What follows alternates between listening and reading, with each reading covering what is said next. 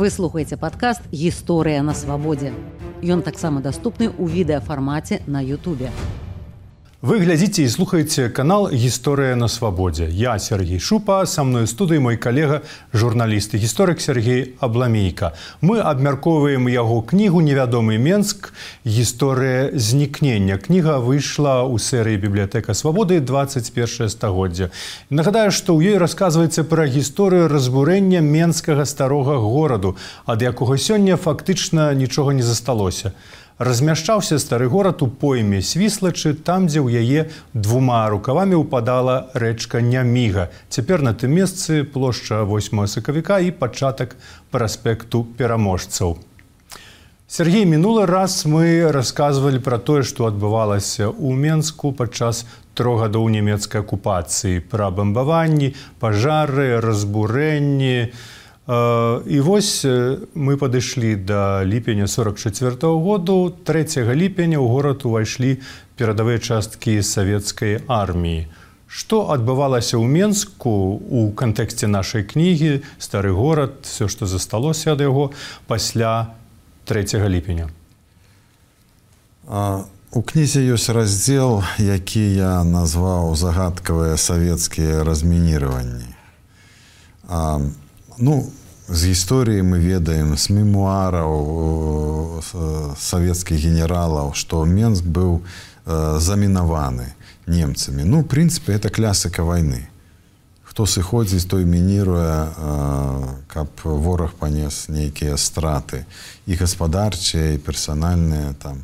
І, але я звярну ўвагу на проста па-першае супярэчнасці ў дакументах тое што захоўваецца ў нацыянальным архіве беларусі дакументы савету народных камісараў бСр тыя што тычацца размінирования там вялікія супярэчнасці і такія прыпіскі відаць. Ну просто э, скажем названы нейкія прадпрыемствы якія былі за прыпіскі які бок? Што было больш замінавана? э, так і што пашкоджана просто такі хаос. У документах хаос. Вот один документ на двух сторонках на дзвюх сторонках. І на дзвюх на кожнай з этой сторонах ёсць супярэчнасці скажем агулам даецца статыстыка вот справаздача начальніка вайсковага ці военнага аддзелу совета народных камісараў куцейнікова народных камісараў бСр ён піша колькасць абясшкоджаных боеприпасаў як яны размінировали там напрыклад у менску было знойдзена 97 фугасаў там напрыклад да? і вот ён піша запальных трубак это порох трубки запальныя было знойдзена 1080 штук а пасля этой агульная справа раздел это агульная статыстыка там і міны там і все і і этой авіцыйнай бомбы і гэтыя трубкі а пасля па прадпрыемствах.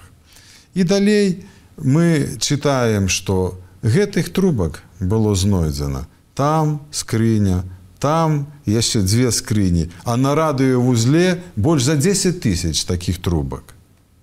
Это адзін і той жа документ які агулам было ў менску знойдзена 1080 таких трубак а скажем так 10 трубак. І вот такі хаос у документах. И когда ты читаешь, ты не можешь не здивляться. Скажем, заминировали и, и подорвали завод имя Кирова. А завод это застался целый.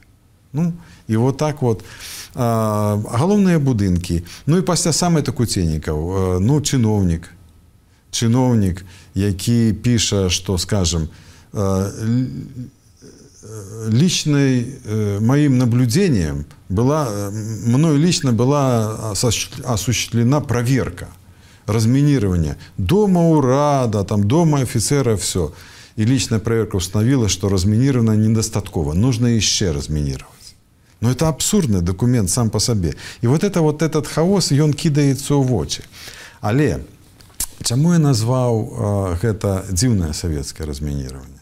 Потому что менчуки, расказвалі пра выбухі. Выбухі, якія пачаліся яшчэ другога ліпеня ў Мску працягваліся і трэцяга і чацвёртага у розных частках горада. І гэта былі не цэнтральныя адміністрацыйныя будынкі. Про якія скажем там жукаў нейкі маршал піша что разведка атрымала что яны замінірованае было прынята рашэнне э, зрабіць якраз штурм увесці там вот кінуць туды спецназ так кажучы сённяшняй мовы каб прадухіліць выбухі і гэтая задача была з поспехам ажыццёўленая там все такое.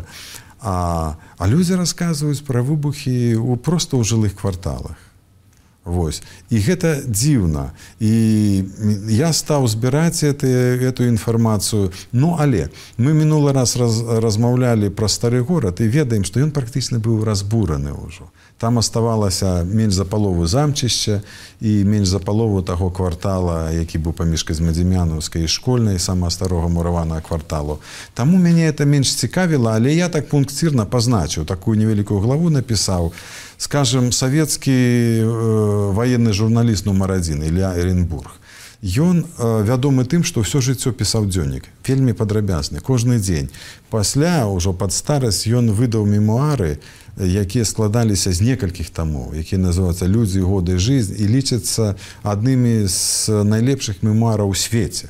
Таму што Іля Эренбург, да рэвалюцыі жыў у парыжы у францыі ведаў багему парыжскую і там скажем мадэльяніц і яшчэ некага. І яго мемуары ахопліваюць вот парыжскае жыццё нямецкае жыццё пасля савецкае жыццё. Это вельмі падрабязны помнік.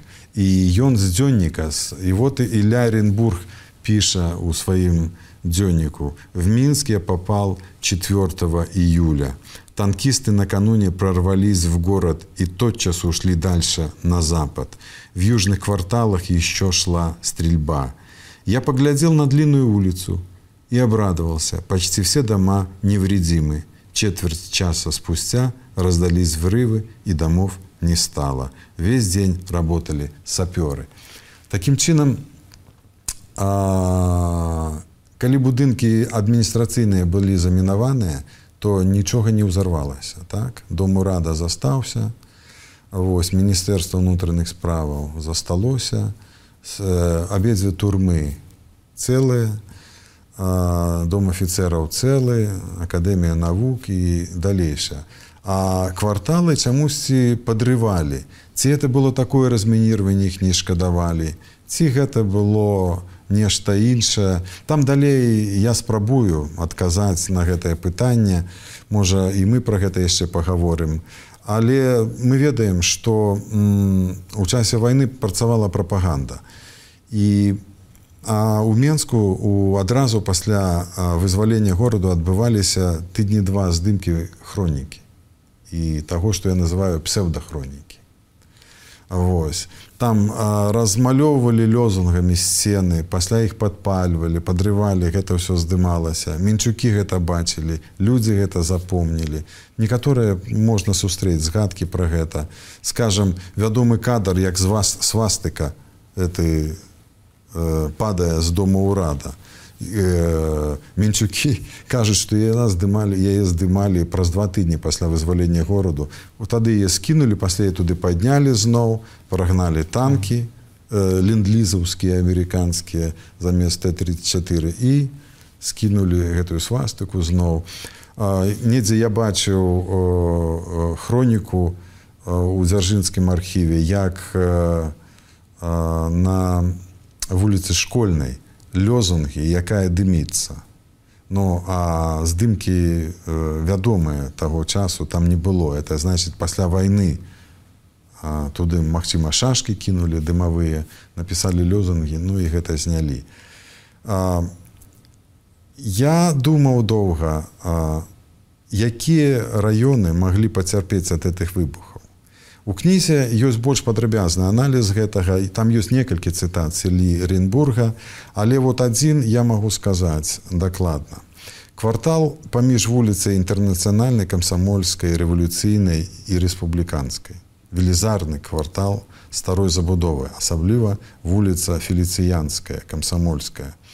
Ну, у той частцы паміж інтэрнацыянальнай і рэвалюцыйнай яна была шырынёй не больш за 8 метраў паміж дамамі палатно праезжае яшчэ вузей адпаведна. 8 метраў. Гэтая вуліца а, а, і ўвесь гэты квартал згарэў у чэрвені. Але калі я гляжу здымкі адразу пасля вызвалення гораду авіяцыйныя я бачу што на ёй стаяць цэлыя коробкі скажем сцены з боку вуліцы усе ёсць а на здымку 22 ліпеня 44 -го года ўжо гэтых сценаў няма Магчыма Эренбург бачыў як была падарвана наша старая феліцыянская гэта цэнтр горада ён там хадзіў мы ведаем што все хто уязджаў менск яны уязджалі з паўночнага ўсходу мост быў падарваны як бы мы сёння назвалі каля цырка і таму яны все паварочвалі да абыходзілі і траплялі на нізкі рынок і далей уже тут траплялі Магчыма гэта так. Так што... на славутай карціне 3 ліпеня 44 савецкія войскі прыходзяць з захаду так. на плошчу свабоды так, і все так. как бы адразу пачынаюць задумляцца чаму так. Так так. Всё так что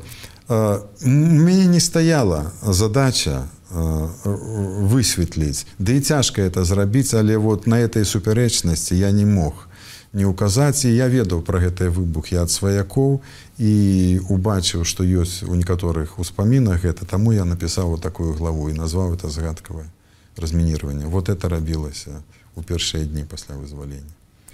А калі мы возьмем першыя гады трошки шырэй у цябе цэлы раздзел прысвечаны по-мойму разбору руінаў што у, у гэтым працэсе што гэтай акцыі было такого спецыяльного незвычайного што яна што ты надаў ёй такую вялікую увагу а, ну калі мы сёння ішлі сюды ў студыю я паглядзеў яшчэ раз тое што я пісаў і конечно настрой псуецца бо сама інфармацыя это яна такая невясёлая так? Інфармацыя невясёлая. Но наогул уражвае як савецкія ўлады былі гатовыя да аднаўлення менску як яны былі гатовыя это просто ўражвае у бальшавіках калі яны прыйшлі то адразу ў першыя дні а, яны прыйшлі з гатовым плянам. Усё было запланавана, пачаліся стварацца вулічныя камітэты. Э, былі брыгадзіры, дзясятнікі э, на вуліцах. І пачалася, пачаліся расчысткі горада. У нас гадоў 15 назад 20 выйшла акадэмічная гісторыя Менску выдавецтва беларускай энцыклапедыя. У гэтай гісторыі сказана, што першы суботнік з выхадам насельніцтва на расчыстку завала адбыўся 8 кастрычніка. Гэта абсалютна не адпавядае сапраўднасці. А яны пачаліся адразу з першых дзён вызвалення гэтыя суботнікі і выхады гэтыя былі прымусовыя. Людзей ганялі зняволеных акупацыяй, голадам часоў і людзі ў лясажа хаваліся, калі Менск штурмавалі. І тым не менш і я вось бачу э, э, у мяне ёсць цытата з газеты савецкая беларусія цікавы факт. У часе акупацыі это была савецкая Беларусь беларускамоўная газета якая перастала выходзіць другога ліпеня. А 9 праз тыдзень яна ўжо выйшла на расійскай мове калі бальшавікі прыйшлі ў менск. Насіць можна было это уже не было патрэбы тут заігрываць так так так так так. беларусамі. Так так так. Дык вось старшыня гарсавету бударин піша 11 ліпеня праз 7-8 дзён пасля вызвалення гораду Тысячи жителей освобожденного Минска вышли на работы по очистке города. Уже убран и вывезен мусор. Улицы и дворы приведены в соответствующий вид. Приступило к работе более 100 уличных комитетов. Произведен учет населения, оставшегося после трехлетнего хозяйничания немецких бандитов. Повсюду ремонтируются помещения. Горсовет горком партии и другие учреждения приходят женщины, старики и молодежь, прилагающие услуги по восстановлению родного Минска сапраўды у менску было даволі шмат насельніцтва тым не менш яны все папрацавалі на разборках арышты пачаліся перад новым годам 45 у канцы снежня тых за калябарацыю. Але спачатку это людзі папрацавалі добра.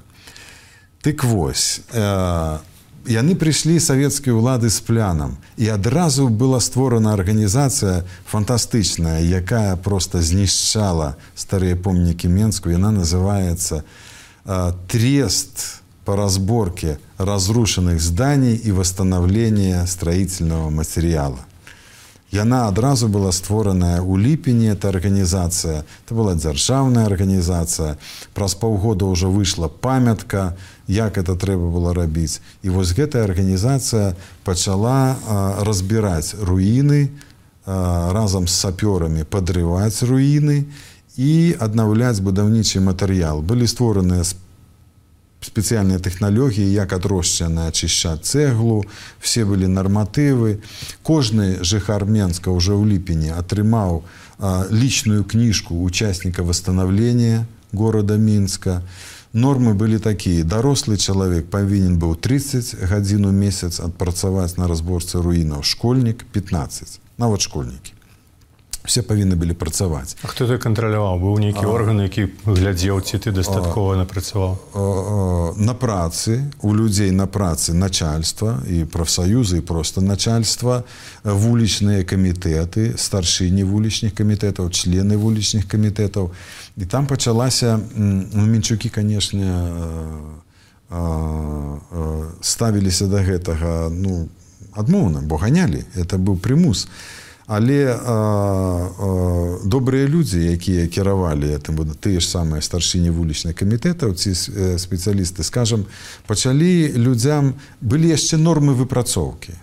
Колькі за дзень там можна было скажем цэхлы один штабель 20 штабелі там сотня штук 500 штук цэклы ачысіць 400 это не важно галоўнае что калі чалавек выконваў дзве нормы напрыклад той той гадзінная за одну гадзіну яму записывалі две гадзіны і супраць это пачалася целая вайна. У газетах была такая кампанія вымовы нарабілі людзей здымалі з работы. Каб толькі не было вот этого падману каб людзі реально свае гадзіны адпрацоўвалі.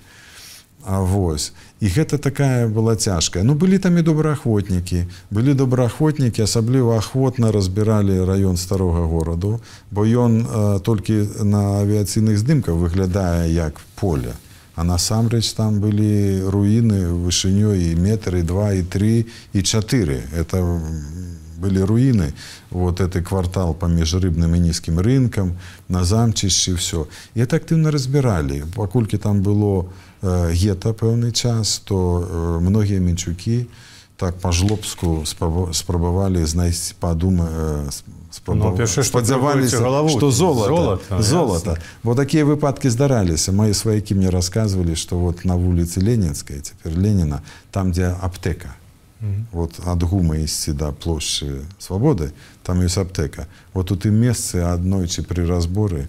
Яшчэ у 8 41 года цэлы дождж залатых монет посыпаўся напрыклад там с адной са, са сцену ну, такія міты хадзілі по горадзе плёткі так что людзі гэтым займаліся.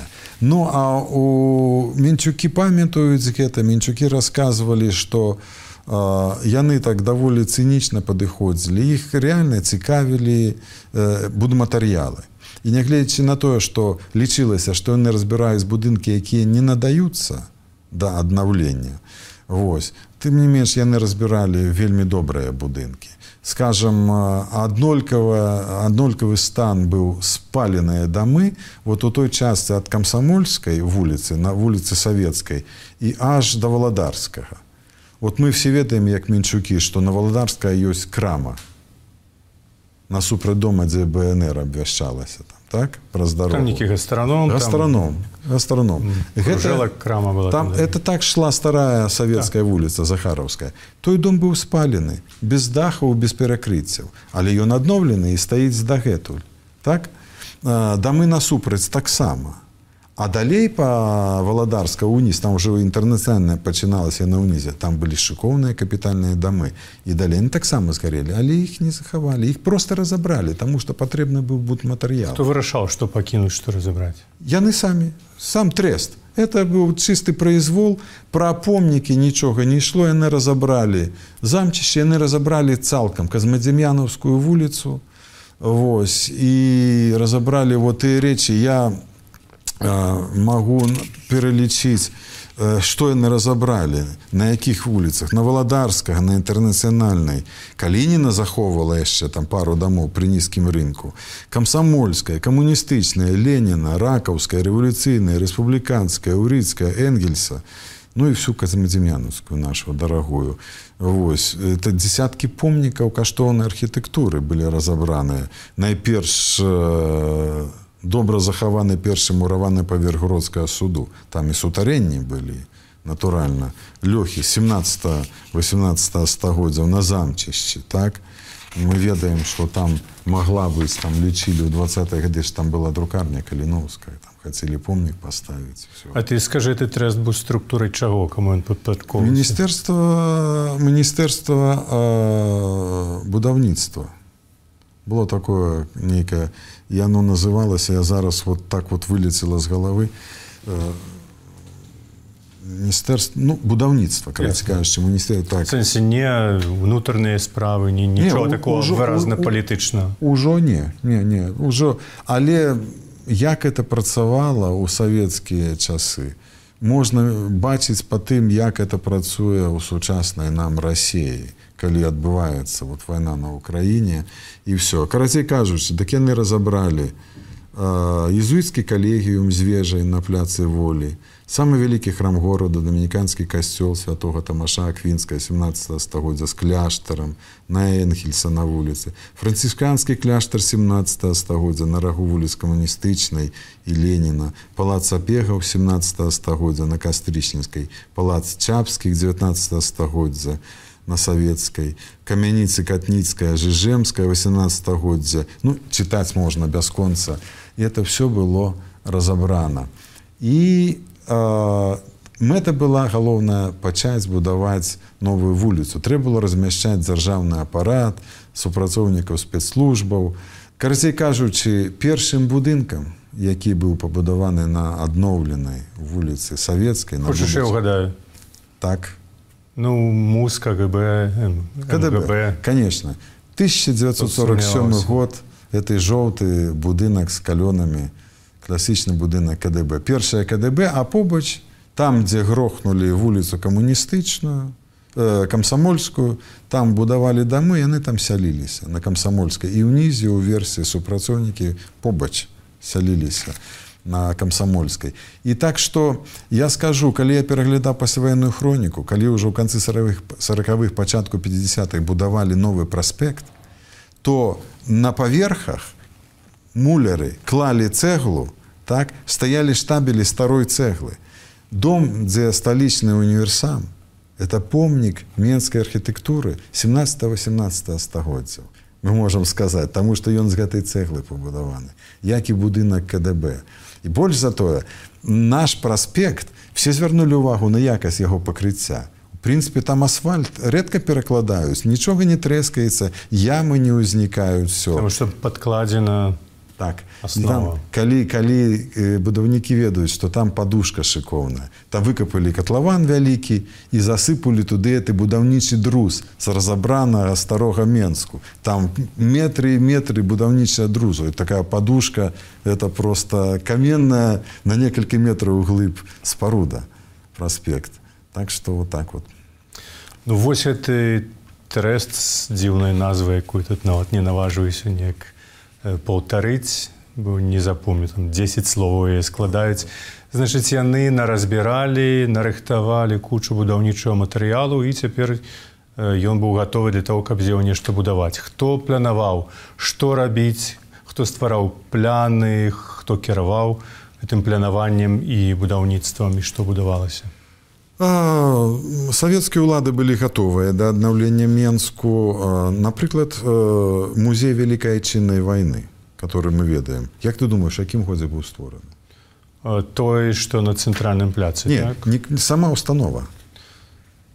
Ну ну по ідэі мусіла б адразу быць 43 годзе 43 так у 43 годзе таксама у 43 калі б вайна не скончылася яшчэ ніхто не сумняваўся яны уже ішлі наперад ну, прынцыпе там уже так, все было 43 так, так. все было ясно так. да. І ў снежні 43 году яны стварылі ўправленне па справах архітэктуры при савеце народных камісараў бСр ім кіраваў архітэктар вално Вось. Яны прыбылі ў менск з гомеля у ліпені 43 году і э, заняліся.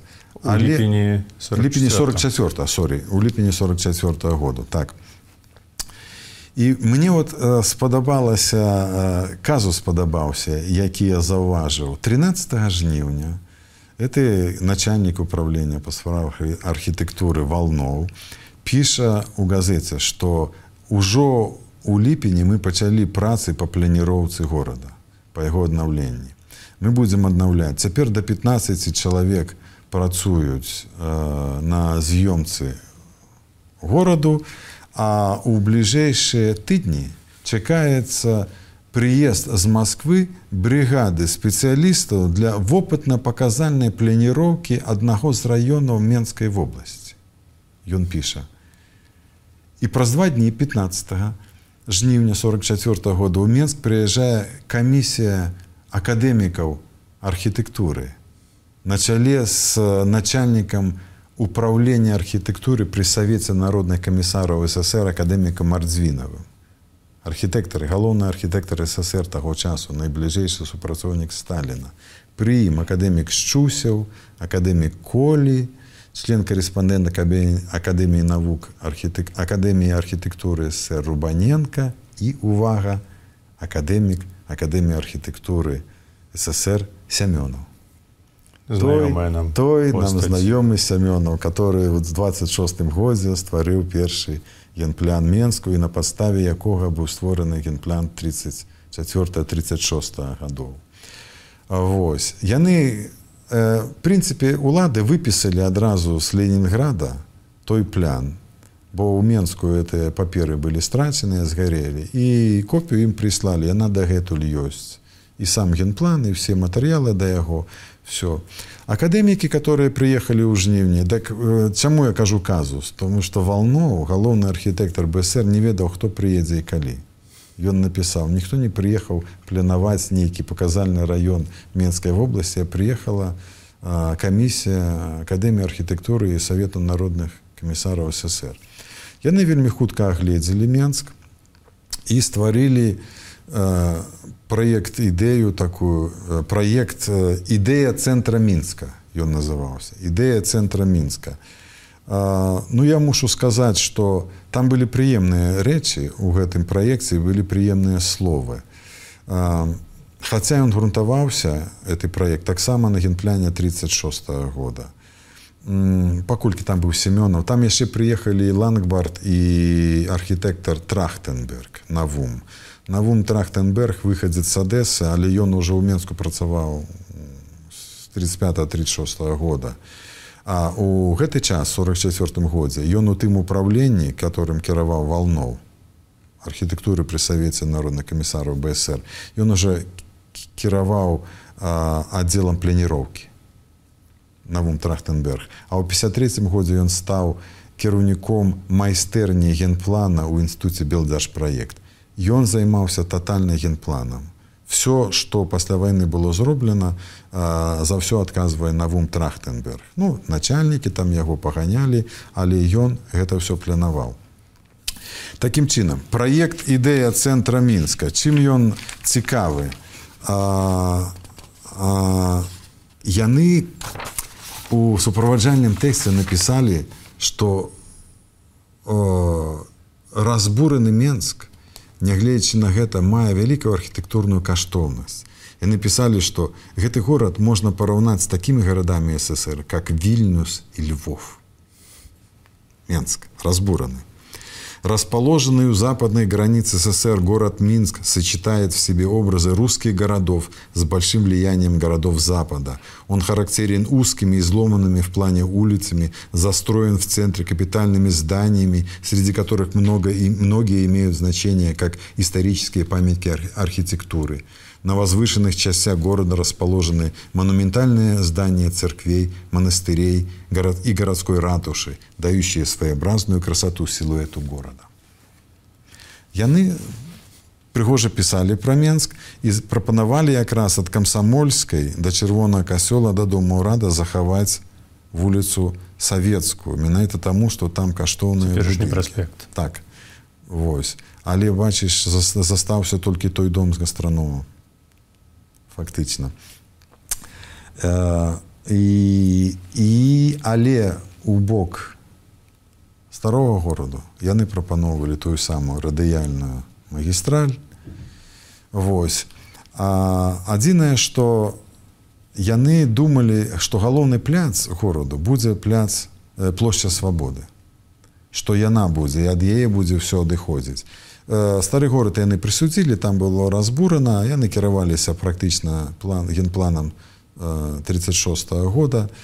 Вось але плошчу яны хацелі зрабіць галоўнай і э, там быў ключавы артыкул яны з'ехалі праз два тыдні проект это пакінулі ён тады адразу быў засакрэчаны Вось а 11 кастрычніка навум трахтенберг выступіў с артыкулам ён называўся о будущем нашай сталіцы Вось. І там ён таксама ўжо больш падрабязна пісаў я яшчэ хочу сказаць что у сороквыя гады аднавілася ідэя это сярэдзіны 30 гадоў по ламанні старой планіроўкі. Яны савецкія ўлады сталін і яго атачэнне надавалі вялікае значэнне злому старой планіроўкі. Яны про это пісалі. У сороквыя гады да гэтага далучыўся калінін які стаў тэарэтыкам э, планіроўкі гарадоў што яна не патрэбная і вот ужо ў поўнай адпаведнасці трахтенберг піша э, задачи восстановительного строительства очень сложны так как город не только должен быть восстановлен, но и должен быть на исправлены все недостатки прежней планировки и застройки, созданы наилучшие условия городской жизни и благоустройства. Ім э, галоўнае было вот адпавядаць патрабаванням партыі і той пастанове, пра якую мы гаварылі 35 -го года аб генплане Масквы. Таму старая планіроўка павінна была быць зламаная. У выніку э, Трахтенберг пісаў Ну, ён греблево писал про Менск, что основные недостатки городского плана сводятся к следующему. Отсутствие архитектурно выраженного общественного центра города. Ну, можно сказать, не что себе, это самая площадь свободы была э, ренессансный пляц, ну и так далее. Карацей кажучи, а, а, все, что было зроблено у Менску генпланами 46-51 годов, было запланировано тады, і гэта кіраваў гэтым навум трахтенберг Ну вось значыць і паводле генплану 46 -го года як паводле папярэдняга стары горад быў асуджаны на знішчэнне ці засталіся па вайне ў менску людзі якія спрабавалі неяк этому супрацьстаяць і уратаваць менскі стары горад Я лічу, што фактычна не. Мы говорим про генпланы. Аўтары генпланы 51 года называлі яго рэдакцыі генплана 46 -го. Фактычна это быў адзіны дакумент. Стары горад быў цалкам асуджаны на знішчэнне, урэшце рэшт яго скапалі. Я паглядзеў на такую грамадска-культурна культурна-грамадскую сітуацыю што рабілася інтэлектуала беларускія все не увесь при тым что у часе войны калі ішлі баявыя дзеянні і Беларусь была акупаваная было пэўнае ідэалагічна разняволенне. Беларусам было дазволена пісаць пра помнікі і пісалі і пра гродскі суд у менску пісалі. Маш навазе па, па савецкі бок. На савецкім баку так, так. Часопісы Беларусь газеты все это писали все але як прыйшлі у Беларусь все пра помнікі забылі. Больш пра помнікі не пісалі. І далей спявалі дэферамбы толькі аднаўленню горада. і нават лепшыя беларускія людзі таго часу падпалі под гэты ўплыў я скажам паглядзеў што пісалі панченко пімен панченко Ён плакаў, што баюся я вот прыехаць па бруку шурпатым зараз рода мінск пройду. Але пісаў, што хутка все будзе паправлена, все мы это самае крывізну завулка выпрастаем і все. Я куб колас, паглядзі, што пісаў у лісце да жонкі. Менск разбураны, але твар горада застаўся. Менск ёсць Менск, хоць ён і страшны ў сваіх руінах. І страшна прызнацца, я нават задаволен, што пры аднаўленні сталіцы мы зробім яе больш разумнай, больш плянавай і выправім тыя грехі, якія з'явіліся ў выніку бяспланавага непрадуманага будаўніцтва. Якуб колас. І такім чынам найбольш гарачымі прыхільнікамі разбурэння старога і аднаўлення былі пісьменнікі вядомыя которые тады працавалі ў часопісах ну і па, па долгу службы як пісалі пісалі пра гэта. Это павел кавалёвы мікола лобан. Іх публікацыі такія дзіўныя я там трошечку крытычна пра іх пішу як шизофренічныя бо с аднаго боку яны писали про старожитность Менску, что это старожитный город, описывали там битву на Нямизе, все такое. И тут же писали, о, это паршивая комсомольская, восьмиметровый завулок, хутка она поширится и улиется у стадион Динамо, там просто упреться. Так вот писал Микола Лобан про это. Ну и то же самое было у генплянах. Э, все тексты, все разделы генпляна, чем пояснительных записок так званых – Начинались. Город Минск принадлежит к числу очень древних городов нашей Родины. Впервые он воспоминается в XI веке все. А после, правда, то, який він недосконалий, як треба його зносити. Таким чином, генпляны 46-51 годов практично были ожитевлены. Мы гэта бачым наяве сёння ў Менску. Яны спрачаліся пра канкрэтныя плошчы, як па іх былі конкурсы, некалькі праектаў і расійскія, беларускія выйгравалі беларускія часта. Мне такое ўражанне, што пасля вайны Беларусь панесла страты, партызанка і ўсё. І яна стала больш незалежнай ад Масквы. Нават калі Масква хацела паправіць беларусаў, не, каб нешта культурнае не знішчалі. Беларусы не, не, не згаджаліся. І яны, рабілі тое што хацелі самі ўжо то што менску. І вот тое все што мы там бачым нават лесвіца якая была запланаваная на знішчаным вот этом схіле ад плошчы свабода да 8 сакавіка яна з'явілася ў нас з табой час этой лесніца праз 40 гадоў пасля гэта яна была тады ў 46 запланаваная. Цяпер там ёсць лесвіца ад сабора праваслаўных уніз Дзякую за сённяшнюю гутарку Сергей, ну а працягнем мы нашу тых сумную гісторыю у наступных частках і наш цыкль уже памалу пачынае набліжацца да фінішнай простай. Я нагадаю, што наш відацыкль прысвечаны Сергеевай кнізе, кнізе Сергея Бламейкі, невядомы Менск гісторыя знікнення. А наступны раз мы паговорым пра далейшы лёс таго, што заставалася ад старого гораду падчас рэалізацыі пасляваенных генплянаў. Яшчэ раз нагадваю, подписывайтеся на наш канал гісторыя на свабодзе і пішыце каментары под гэтым відэо. Дзяліцеся вашымі ўражаннямі за ўвагамі і прапановамі. Выслухали падкаст гісторыя на свабодзе. Подписывайтеся, глядзіце і слухайце ў Ютубе і на ўсіх падкаст-платформах кожны тыдзень.